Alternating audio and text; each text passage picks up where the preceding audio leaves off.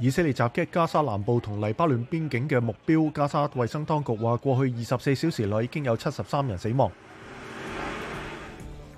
緬甸西北部一個小村莊嘅居民評估咗受損情況，當地人話空襲造成最少十七名平民死亡，其中包括九名兒童。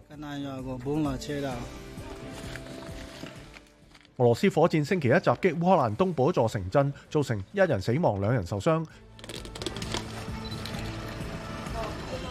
孟加拉总理哈西娜当选第四个任期。虽然星期日嘅选举国际社会严密监督，但系反对党呼吁抵制，并且受到暴力抗议所影响。